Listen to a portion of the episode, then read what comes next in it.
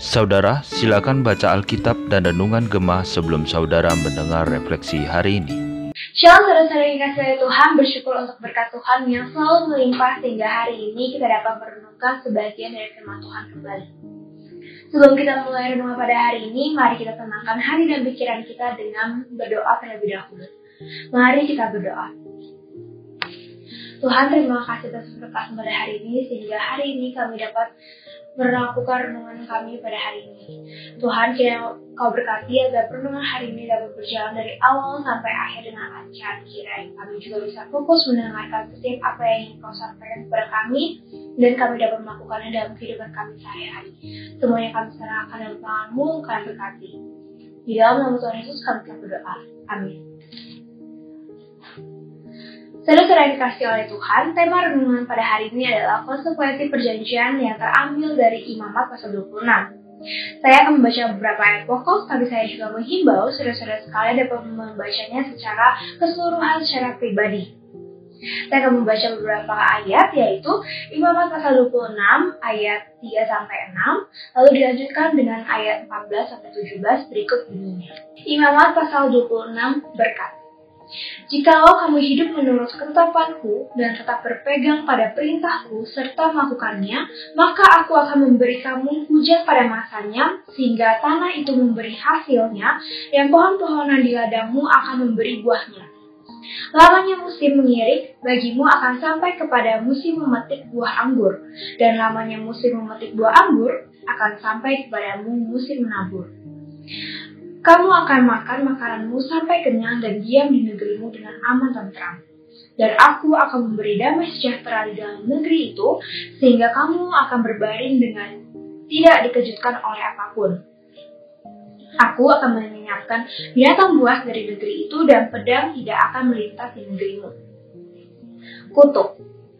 Tetapi jikalau kamu tidak mendengarkan daku dan tidak melakukan segala perintah itu, Jikalau kamu menolak ketetapanku dan hati memuak mendengarkan peraturanku, sehingga kamu tidak melakukan segala perintahku dan kamu mengingkari perjanjianku, maka aku pun akan berbuat begini kepadamu, yakni aku akan mendatangkan kekejutan atasmu, batu kering serta demam yang membuat mata rusak dan jiwa merana. Kamu akan sia-sia menabur benihmu karena hasilnya akan habis dimakan musuhmu Aku sendiri akan menentang kamu sehingga kamu akan dikalahkan oleh musuhmu. Dan mereka yang membenci kamu akan menguasai kamu dan kamu akan lari. Sungguh pun tidak ada orang yang mengejar kamu.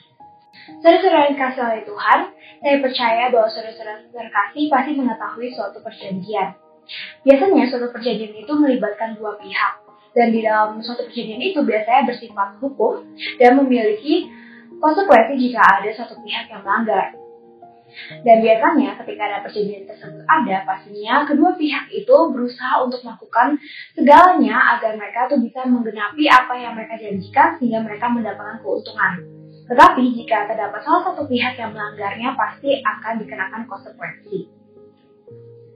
Nah, hal ini juga serupa dengan apa yang sudah kita baca pada bacaan hari ini, di mana terdapat perjanjian juga di antara Tuhan dengan umat Israel.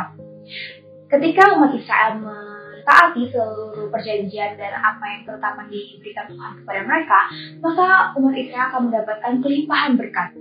Seperti harta, keamanan, kenyamanan, dan bahkan sampai keturunan mereka sudah akan disiapkan oleh Tuhan. Tetapi jika umat Israel melakukan hal sebaliknya dari apa yang Tuhan inginkan, seperti mengingkari perjanjian-perjanjian antara Tuhan dan umat Israel, pastinya Tuhan akan memberikan konsekuensi atas pelanggaran yang telah dilakukan oleh umat Israel dengan mendatangkan kutuk kepada umat Israel yang akan menyengsarakan hidup orang-orang Israel.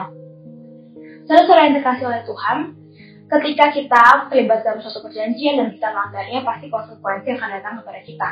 Sama seperti kita, ketika kita sebagai umat Kristiani dan kita sebagai anak Tuhan dan kita melakukan suatu pelanggaran atau dosa, pasti kita akan mendapatkan konsekuensi yang datang dari Tuhan. Di mana ketika kita melakukan dosa dan ada yang konsekuensi dalam kehidupan kita, konsekuensi ini merupakan suatu tanda peringatan kepada kita agar kita tuh sadar akan perbuatan yang telah kita lakukan ternyata sudah menyimpang dari apa yang Tuhan inginkan.